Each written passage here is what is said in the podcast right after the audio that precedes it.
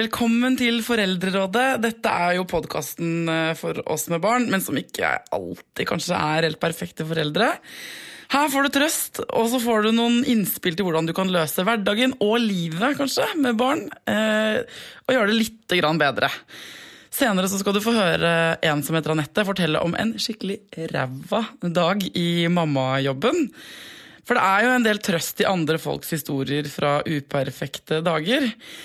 Men aller først så skal det altså handle om noe som mange lurer på innmari mye om, nemlig kolikk. For hva gjør du når ungen skriker hele tiden? Hva funker, hva funker ikke? Og hvordan vet du egentlig i det hele tatt at det er kolikk? Velkommen til Foreldrerådet, folkens.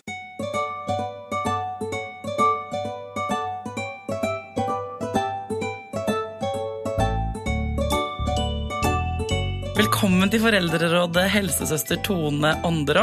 Tusen takk. Du, hva er egentlig kolikk? Ja, hva er egentlig kolikk? Det er det mange som lurer på. Um, og før jeg sier det, så, så, tenker jeg at jeg må si noe om at uh, veldig mange henger seg opp i om man går under definisjonen kolikk eller ikke. Eh, og så blir det nesten sånn at man vil gjerne ha en, eh, en, bås å sette barnet sitt i. Det er jo ingen foreldre som vil ha et barn med kolikk, men når de gråter mye, så er det på en måte kolikk man lett sier at det er. Så det er et barn som gråter mye? Ja, men hvis så gir jeg definisjon på kolikk, så er jo det um, smerter i magen eh, som fører til at barnet er, gråter mye eh, over lang tid. Det vi ofte sier er at hvis det er sammenhengende mønster som går over tre timer, tre kvelder på rad, så er det liksom definert som kolikk. Jeg trodde liksom det var en sykdom eller noe. Ja. Mm, og det er det mange som tenker at har du et barn med kolikk, så er det barnet sykt. Og det er det jo ikke. Det er ikke en sykdom. Eh, det er jo en, en tilstand som, som et et lite barn kan være i en periode av livet sitt. Uh, og grunnen til at de kan være i det, kan være veldig mange årsaker til. Og derfor er det jo viktig å på en måte når man skal finne ut av dette, så må man liksom gå litt grundig til verks og ta én ting av gangen for å prøve å, å, finne en årsak og se om man kan løse det. Men er det luft i magen? Altså, mm. Jeg blir veldig overraska at det ikke er en helt tydelig mm. ting. Mm. Så det er mange ting som kan være kolikk. Er det ikke bare luft i magen da? Jo, men altså, det er luft i magen som gjør at barnet gråter, og som gjør at barnet eh, har vondt. Eh, men hvor, hvorfor er det luft i magen? Det er det jeg er opptatt av. Hva er årsaken til at det kommer luft i magen? For det er ikke bare én ting det kommer av. Hva kommer det av, da? Det kan komme av at barnet reagerer på noe mor spiser.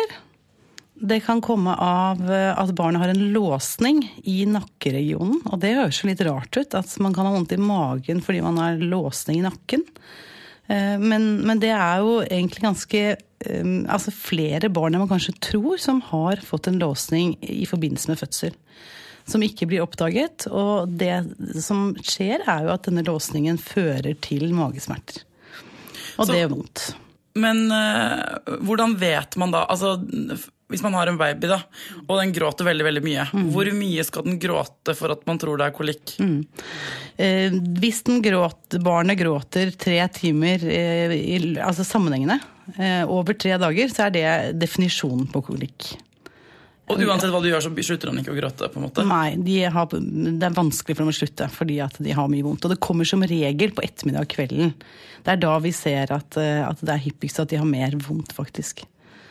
Eh, men jeg tenker eh, vi er veldig opphengt i liksom, kan jeg definere det som det eller? Fordi at Er det kolikk eller ikke? Men, det er normalt at små barn har vondt i magen. Og det er også normalt at små barn gråter. Eh, og det er litt viktig å ikke glemme. At eh, de har et umodent fordøyelsessystem når de blir født. Eh, de får en, en altså næring fra mor som de ikke er vant til, og tarmene skal begynne å fordøye fra dag én. Og det kan føre til mye vondt i magen i begynnelsen. Uten at det trenger å være kolikk. Men det kan være vondt i magen. Hva skal hun gjøre da? Ja, det er mange ting å gjøre. Og det er mange mammaer jeg har møtt som eh, prøver og prøver det ene og det andre, og til slutt så blir de liksom helt utslitt. Fordi Kjenner meg igjen, ja, ikke sant? men, ikke på, ja, men det er man jo uansett. Man er jo i en veldig sånn drøy Altså, og, og det er jo kjempetøft å få et barn som ikke sant, Om vi nå snakker, om det er et barn som har kolikk, som gråter så og så lenge på ettermiddagen kveld, eller om det er et barn som er urolig og gråter mye. Egentlig så tenker jeg at det er, det er ikke så viktig å gjøre så mye forskjell på det, for det er jo tungt uansett. Når du får et barn som er veldig urolig, så blir du kjempesliten som mamma og pappa. Og det fører jo ofte til at du får lite søvn. Eh, Og er det noe som er ille, så er det å sove lite. Det blir jo brukt som torturmetode. Så det vet vi at lite søvn er, er veldig vanskelig for alle. Men hva skal man gjøre da hvis babyen gråter og gråter, og man tror det er vondt i magen? Man vet jo ikke, ikke sant? Når man får en baby, Mm, så var jeg veldig imponert når jeg fikk baby, så tenkte jeg eh, alle rundt meg driver og sier sånn Nei, nå er han kvalm, nå har han vondt i magen. Men jeg tenkte sånn, Dere bare gjetter. Mm. Ja. Dere vet jo ikke hva som er galt med den babyen. Nei, man gjør ikke det. Altså De første tingene som er greit å finne ut av? Når du har født et barn, la oss si at det er ditt første barn. Du kommer hjem fra sykehuset, du føler deg helt grønn. Husker jeg gjorde. Grudde meg jo til å reise hjem, for jeg ville jo ha med jordmødrene hjem. Det var mye tryggere. Eh, Men det å finne ut av å bli kjent med barnet sitt, det eh, tar jo litt tid. Eh, Og det å tolke signalene. For det at det eneste måten barnet har, kan formidle noe på, er jo ved å gråte. Eh, Og da er, altså det, det er jo litt med litt modifikasjoner, for du har jo liksom ansiktsuttrykk og sånn, men lyden er jo ikke, det er jo ikke noe distinkt eh, språk som vi kan forstå. Men det kan vi hvis vi begynner å bli litt kjent med dem. Eh, Så det handler jo først om å um, prøve å stille de behovene de har. Hvis et barn gråter, så kan du tenke Veldig mange tenker jo at nå er det mat. De er sultne. Så er legger man dem til briste. Først er det mat. Ja, men så er det jo lett at et barn vil aldri si nei takk til en pupp. Så blir barnet lagt til puppen, så vil det jo på en måte tenke at Eller altså, det er jo, det er jo ikke bare 'nå er jeg sulten, jeg, jeg vil spise', men det er også 'nå får jeg nærhet fra mor', 'nå kjenner jeg lukten fra mor', 'jeg hører hjerteslagene'. Altså det er mange ting i det brystet enn bare mat. Derfor så vil ingen, altså ingen, men veldig få barn vil snu seg vekk når de blir lagt til brystet, men det trenger ikke å bety at det var grunnen til gråten. Men mange gjør jo det først, at de prøver å finne ut av er det mat de vil ha. Og det er jo heller ikke så lett med et nyfødt barn å finne ut av hvor mye har de spist da, hvis de har ligget et kvarter på puppen, hvor mye melk har jeg, kommer det mye ut? Altså det, du har jo ikke, og det får man jo ikke helt svar på. Men det med liksom, når du har lagt barn til brystet, og det har um, spist en stund, så kan det jo være lurt å hjelpe til å få, få opp luften. Raping. Ja. Og det er eh, Noen barn er rapebarn, noen barn er prompebarn, og noen barn er ingenting. Men det er altså det der å få, få ut luft er veldig, veldig ulikt fra barn til barn hvor mye de får det ut, om de får det mellom måltidene eller ikke. Eh, En måte å hjelpe dem til å få ut det sånn gjennom hele døgnet, er å massere dem jevnlig. Det fins jo flere gode eh, sånn kolikk, eh, altså for å forebygge kolikk, da. Liksom massasjegrep som man kan gjøre på magen. For å hjelpe barn til å få ut luft. De kan jeg godt forklare nå. Skal jeg beskrive Ja, det? jeg blir veldig nysgjerrig. Da, da har du, Det ene er det som vi kaller knær mot mage. Da ligger barnet på fanget ditt med hodet liksom ved knærne dine og ser opp på deg. Og så tar du tak i begge knærne, altså rett under knærne, da, på leggene og holder på begge leggene. Så holder du de parallelt, og så presser du barnets knær mot barnets mage. Og da kan du godt ta i litt. Krøller de litt sammen, Mm. på en måte. Ja, og da tror vi liksom, vi, vi tenker ofte at å nei, de tåler jo ikke så mye, vær litt forsiktig. Jeg pleier å vise foreldre liksom, her skal du ta i litt, fordi at de, de har tross alt vært gjennom en fødsel, så de tåler en del. Eh, Men det å, å klemme dem faktisk litt sånn inn i magen for å få det trykket, og så strekker man bena ut igjen. Og så sitter man sånn og holder på. Husker vi gjorde det mye med våre, våre barn. Og det var sånn typisk sånn fin ting å gjøre når du så på TV om kvelden for eksempel, og var litt sliten. Så satt man og holdt på sånn. Og da kan det bli et liten sånn fyrverkeri av promping på gang, altså. Og da blir du jo så så salig og fornøyd etterpå, vet du. Så det er en veldig fin øvelse. Eh, Og det er noe med, for det er noe med, vi må hjelpe dem til å få ut den luften gjennom hele døgnet. Ikke bare sånn 'nå skal du rape', 'nå skal du prompe'. Så det er, ikke, det er sånn. ikke rett etter maten nødvendigvis. Noen barn er jo veldig tydelige på det, men andre er jo ikke det. Og da må vi jo Det var sånn jeg, mamma lærte meg. Det var sånn, Amme, opp på skulderen, bære rundt, klappe på rumpa, så kom det en rap, og da var vi ferdige. Ja. Men man kan egentlig Vi er jo ikke A4, vet du. Så er, noen, er, er, noen barn får det lett til, men vi er forskjellige. Så det, er med, å- det, det handler også om den prosessen med å bli kjent med barnet ditt. Er, har du et barn som får ting lett opp, liksom? Er det, kommer det mye raping, eller gjør det ikke det? Så, ok, så det, det massasjetrikset, det er Ja. lurt. Knær mot mage. Den andre er sol og måne. Da tenker du, du, du liksom har barnet mot deg på samme måte. Det kan ligge på stellebord eller, eller på fanget ditt. Og så tar du knyttneven din, og så begynner du nederst eh, ved på en måte lysken sånn midt på magen, og så lager du en stor sirkel som en sol. Eh, og da gjør du det mot eh, der, mot høyre. du lager en sirkel mot høyre. Med klokka. Ja, med klokka. Takk. Det det var. Eh, Og så har du laget én sol, og så lager du måne, som er på en måte da barnets venstre magehalvdel, hvor du tar eh, andre knyttneven på toppen av magen, og så lager du bare en halvsirkel ned til der hvor du startet igjen med solen. Så du, du lager egentlig bare en sirkel og en halvsirkel etter hverandre. Og dette så handler på den ene ja, og grunnen til det er at tykktarmen ligger på den siden. Altså den ligger på begge sider, men slutten av tykktarmen ligger på den siden. Så det er noe med å hjelpe å få luften ut den veien. Så det er eh, sol og måne, og så har du vannhjulet som handler om at du rett og slett lager et vannhjul. Eh, Du lager en sirkel Det ser ut som du bokser nå, Ja, eh, litt bokser. forsiktig ut i ja, lufta. Med knyttnever, ikke sant, begge Ja. to. Og så tar jeg, de kan jeg da flytte fra øverst på barnets mage, på siden og nedover, på en måte. Sånn som jeg vil nedover. Men poenget er at du får liksom luften øverst og nedover, da. Hvor lenge skal man drive med dette, da? Dette kan man gjøre eh, Det er ikke noe farlig å overdrive dette overhodet. Så det kan du gjøre så, så mye du vil, og, og så lenge barnet har det bra. Det er jo det viktigste. Og gjøre dette når barnet er veldig frustrert og strammer magen og gråter, så er ikke det en så lurt. Nei, men det, er sånn, det er sånn preventivt. Ja, dette er fint å gjøre på forhånd, absolutt. Og også når barnet er avslappet, kanskje i en stellesituasjon. Eh, Så det å gjøre knær mot mage kan du sitte og gjør mange ganger, kanskje ti ganger, og så kjører du sol og måne, og så tar du vannhjulet. Så kan du repetere det og gjøre det gjerne tre ganger om dagen. Så det er veldig fint og preventivt. Er det noe liksom alle burde gjøre, selv om ikke ungen gråter Ja, så mye? ja, det tenker jeg er veldig lurt. Fordi at som sagt, alle barn har umodne tarmer, og de trenger å få ut den luften, men så er det noen som har mer smerter av den. Men eh, hvis, hvis du ikke har gjort det der, da, eller, eh, eller barnet begynner å gråte uansett, Ja. Mm. i den situasjonen da, hvor barnet er eh, helt utrøstelig, hva gjør man da? Da ville jeg ikke anbefalt dette. Nei. Nei. Da handler det jo om å um, være nær, holde barnet, eh, gi det trygghet. Eh, Har du prøvd mat og barnet ikke er interessert, eller du kanskje nettopp har ammet en del og tenker at nå er det, det kan ikke være sultent, så er det jo på en måte, da har du eliminert det. Og så må du jo finne ut av eh, kan det være lei seg fordi at det, har, eh, altså det er våt bleie. Det er greit å sjekke, men så er det jo som regel etter hvert. Det tar ikke så lang tid før du kjenner igjen at dette er ikke som våt bleiegråt, men det er skikkelig vondt i magen-gråt. Og de barna som har mye plagevondt i magen, så merker man jo at de blir ofte helt sånn stive og kan gå litt sånn i banan i, i, I bro, ryggen. liksom, bakover, Går i bro, ja. Eh, Og da er det jo viktig, tenker jeg, å finne ut av hva gjør at de får sånn til magen. Og da kom jeg litt inn på morskosthold. For det påvirker den melka. Ja, det gjør det. Um, og der er jeg på en måte um, opptatt av å si at ikke kutt ut alt du spiser, mamma. For det er så mange mammaer som liksom kutter ut ene og det andre, og til slutt så sitter de liksom nesten helt bleke når jeg snakker med dem, og næringsfattige, og har liksom, eh, prøver å gjøre ting riktig, så får de ikke i seg noen ting, for de er så redde for å gjøre noe feil. Så, så jeg tenker det, det som kan være lurt, er faktisk å eliminere én matvare av gangen. For da er det mye lettere å finne ut av uh, hadde det noe effekt eller ikke. For det tar ikke veldig lang tid fra du- barnet har fått melken din, til at eh, barnet får en reaksjon hvis det er noe de reagerer på. Så hva skal man kutte ut først, da? Hvis man, mis- hvis man har prøvd de, to, altså de andre tingene, ikke sant? Der, nå er vi på den derre Nå er det noe er det maten. Ja. Mm. Jeg ville begynt med typisk ting som du får luft i magen av selv.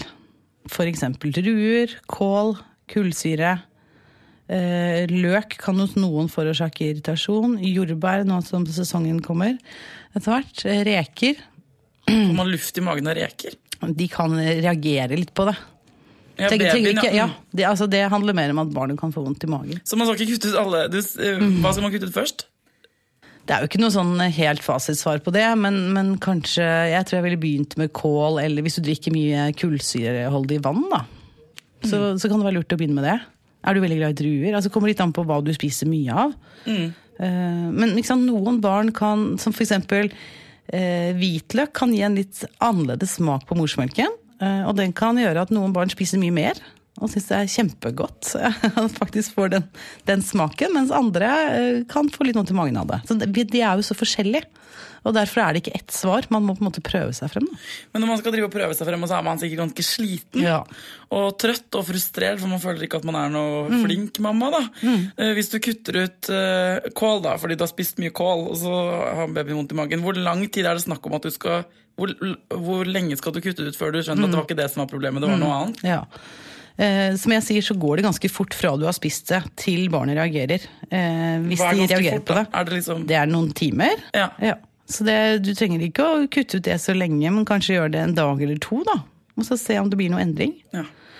Så det med kosthold er um, Jeg tenker jo eh, spis mest mulig variert kosthold. eh, og, og spis eh, em, et sunt kosthold, eh, men, men likevel kos deg innimellom. Ikke la det bli en sånn derre jeg må kutte ut alle ting, for det er ikke sikkert det er det som gjør at barnet har vondt.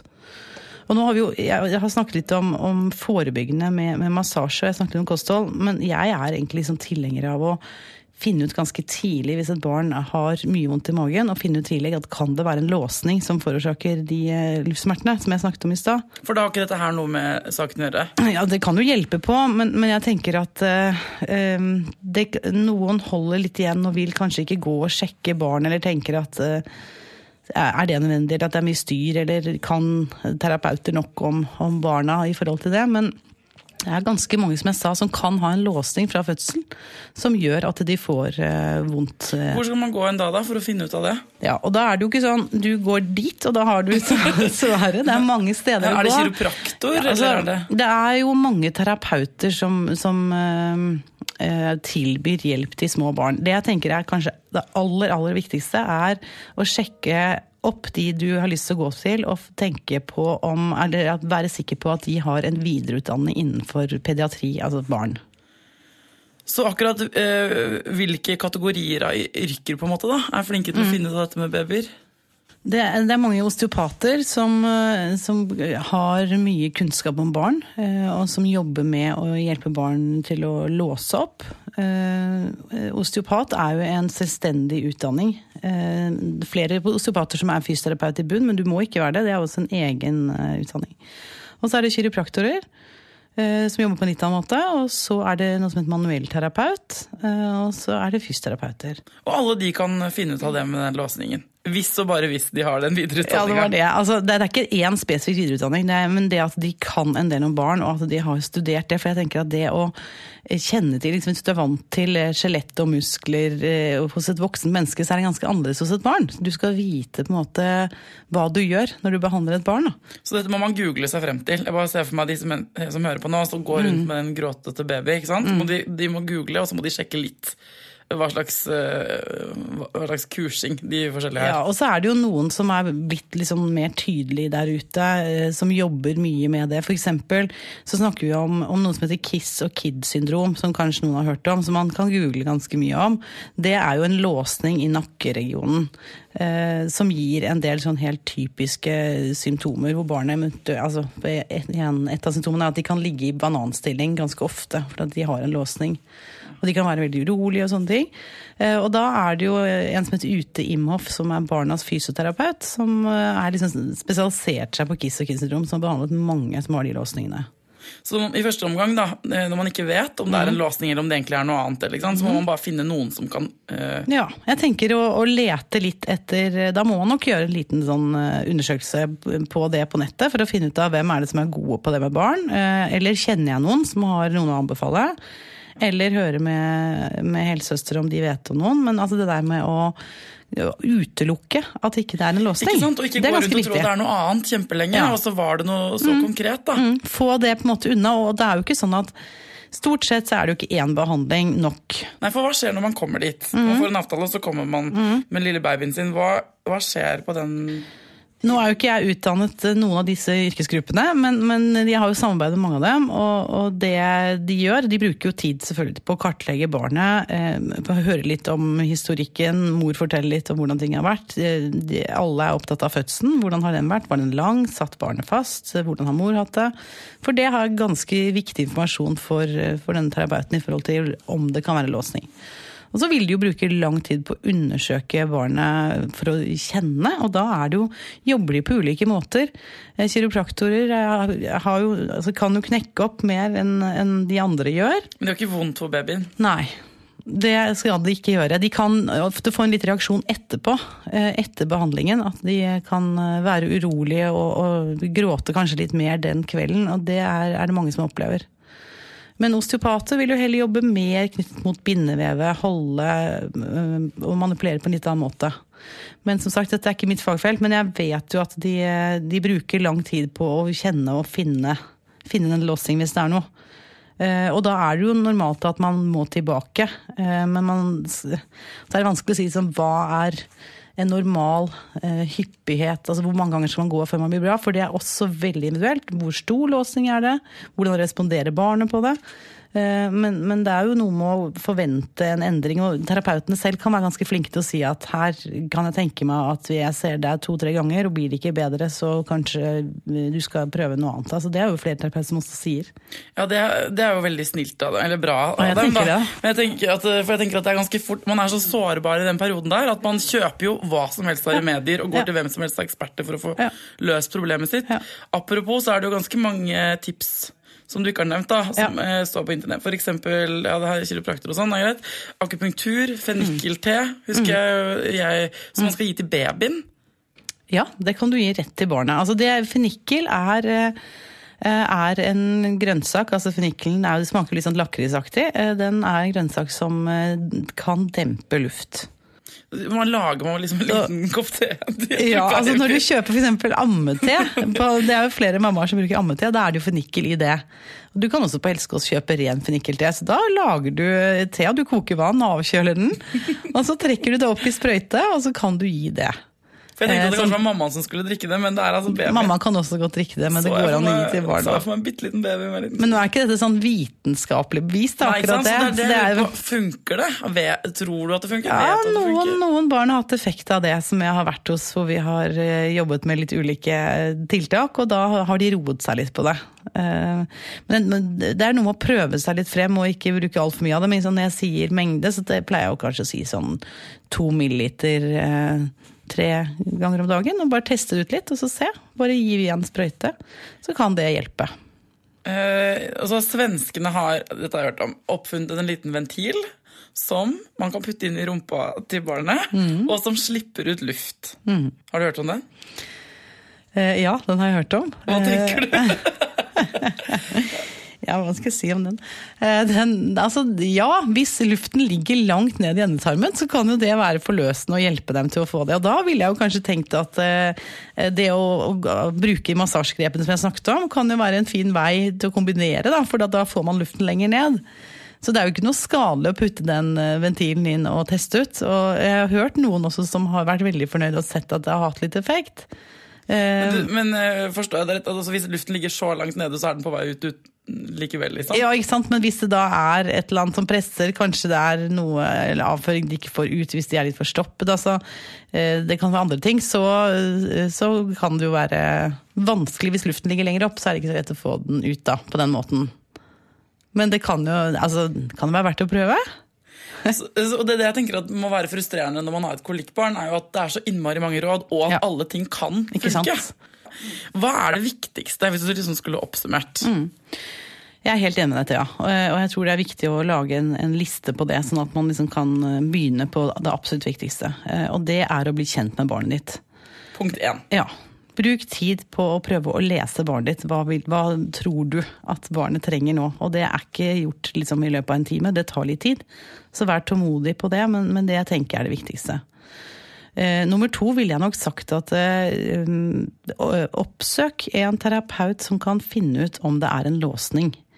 For har barnet en låsning, så kan det være veldig mye plager som blir borte ved å løse opp i den først. Og den låsningen går ikke over hvis du drikker te? Nei, det gjør den ikke, vet du.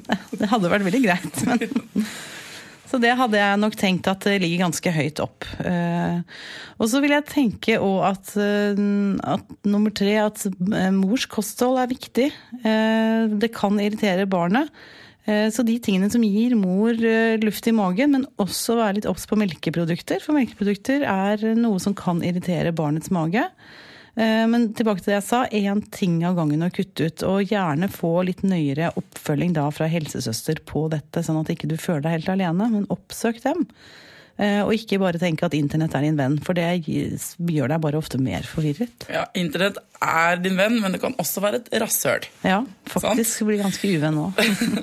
Du har fått en eh, melding på Facebook-sida til Foreldrerådet fra en som heter Camilla. Camilla skriver Min sønn hadde kolikk i nesten seks måneder. Han hylte konstant og måtte bæres i oppreist stilling for å lindre ubehag. Dette resulterte i at den tidlige gode tilknytningen ble påvirket. Altså blikkontakt, gjensidig smil, nære kos, nær kos i sånn liggende, liggende i armene og sånn. Kan dette ha hatt innvirkning på han senere, når han er 16 måneder?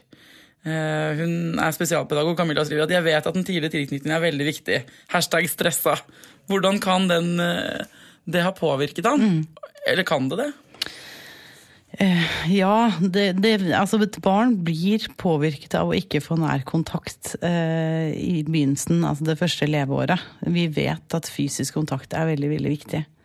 Eh, men med dette barnet som, eh, som har hatt så vondt, har jo hatt mye kontakt, vil jeg tro. Eh, Ja, men sånn oppreist, ikke sant? Hun har gått, hun, hun har gått i oppreist stilling.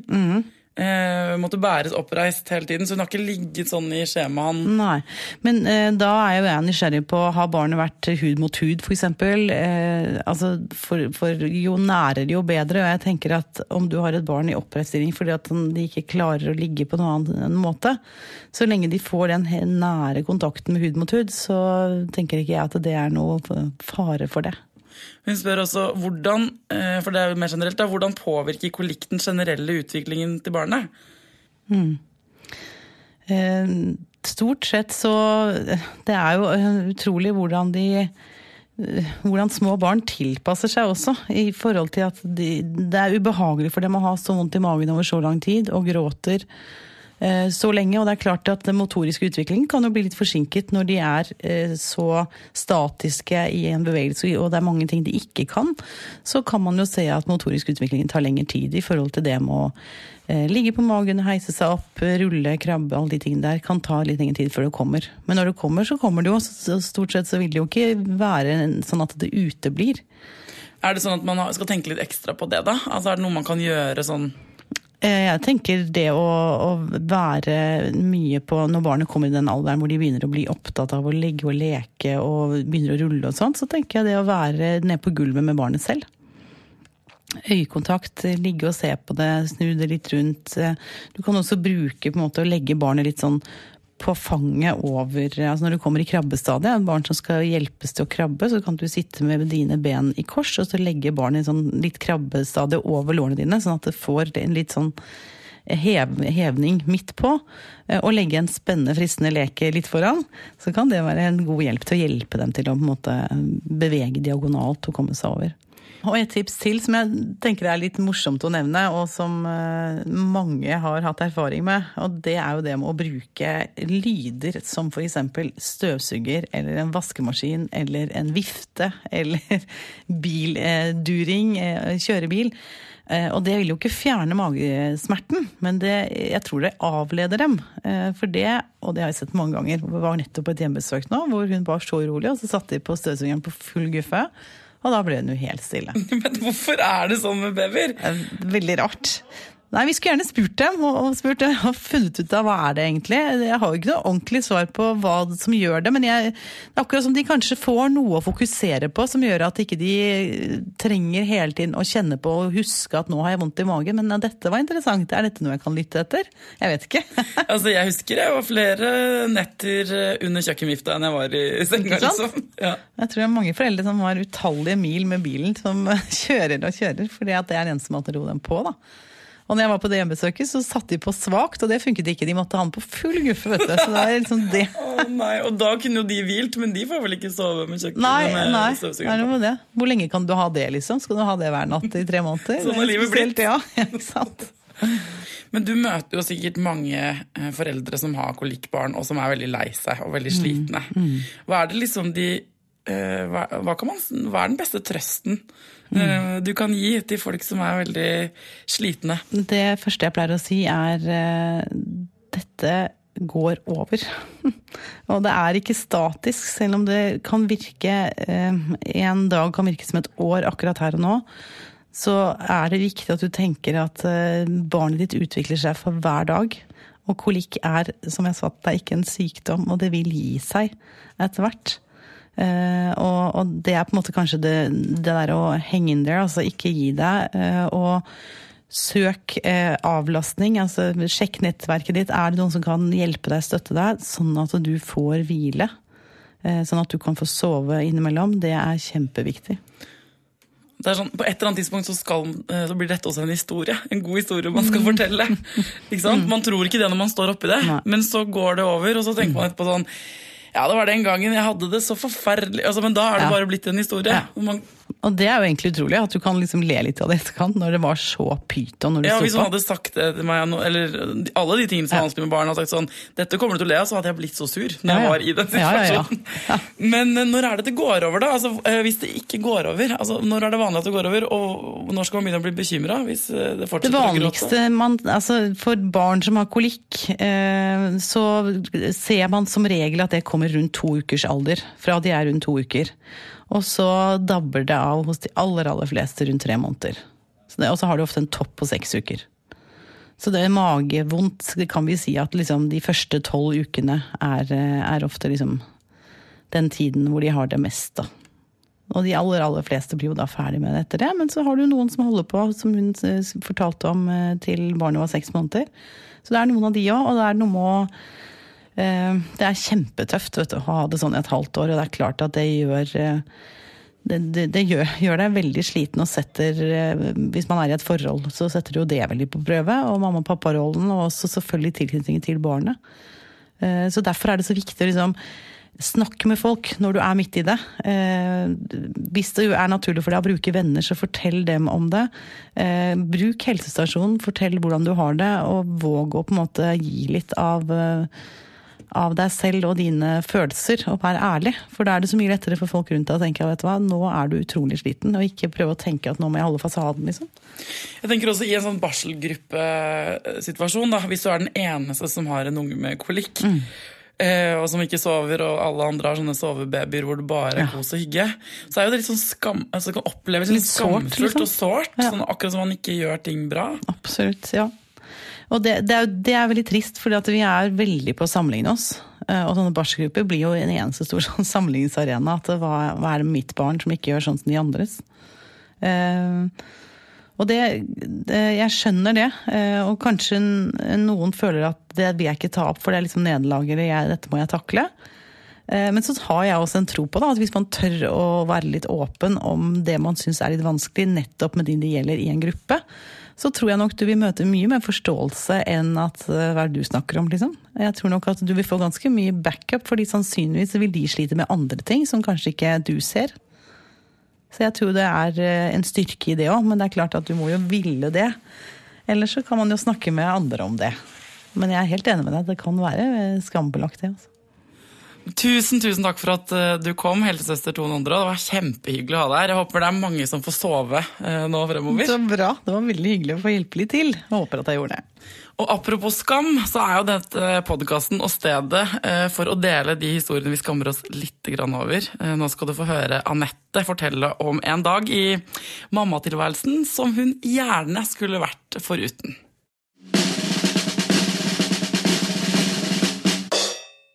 Altså, jeg er trebarnsmor eh, og har eh, ved flere anledninger selvfølgelig opp igjennom eh, i nå snart 16 år driti meg ut som mamma. Og min eldste han er en litt sånn tricky type, og han kan nesten få meg til å ja, gå fra forstanden, rett og slett. Og det var en dag her vi alle skulle buksere oss ut i bilen og hadde veldig, veldig dårlig tid, og han drev og plagde lillebroren sin hele tida. Sånn, du vet, sånn dytte sånn bak min rygg. Eh, og så blir det masse bråk og Nei, au, au, nei, uh, uh. Og det er sånne lyder jeg klikker av. Så det starter med en litt sånn rolig korreksjon. Sånn Edvard, fint om du lar lillebroren din være i fred eh, gjøre akkurat det samme. Eh, neste var jo litt sånn Edvard, nå må du holde opp. Det her går ikke. Eh, tredje gang kanskje Edvard, det her er ikke innafor! Eh, men fjerde gangen så sa jeg rett og slett Edvard, hvis du gjør det der igjen, jævla gang til, så dreper jeg deg. Og da ble det stille, gitt. Og dette er jo noe som selvfølgelig Edvard nå på snart 16 liker å minne meg på. Husker du du drapstrua meg, eller mamma? Topp stemning. Så det er klart at uh, det har jeg ikke gjort flere ganger. Men jeg har gjort mange andre feil. da. Men etter at uh, du hadde sagt et eller annet, det er jo lett å le av nå, på en måte, men uh, ble du lei deg for det? Eller hvordan hadde du det? Jeg ble skikkelig lei meg for det. Fordi at det og jeg, og jeg klarer ikke å si det sånn som jeg sa det den gangen. For nå høres det ikke så ille ut på en eller annen måte. Men det var helt forferdelig. Jeg, jeg hadde så vondt i hjertet mitt. Uh, men så tror jeg jeg har liksom unnskyldt meg i ettertid og sagt litt sånn uh, fordi jeg var så flau. Jeg hadde jo ikke drept deg da, Edvard, det må du jo forstå. Som om det er noen god unnskyldning. Nei, helt sjanseløst. Fy fader, det er rett og slett ikke alltid like lett å ha barn. Eh, men Det er derfor denne podkasten fins, for det er viktig å innrømme det. Eh, og så finner vi litt sånn trøst i hverandres historier om uperfekte dager. Gå inn på Facebook og finn Foreldrerådet-siden der. Og så send meg gjerne en melding i innboksen eller skriv på veggen eller noe sånt. på hva er det du vil vite? Hva er det du opplever i din hverdag med ungene dine som du syns er vanskelig? Jeg lover å ikke svare på de spørsmålene helt sjøl, for jeg er bare en helt vanlig mamma. Men jeg kan jo ringe noen som er eksperter på området, og så finner vi ut av det sammen. Til neste uke, eh, ta vare på barna dine, ta vare på deg selv, og lykke til!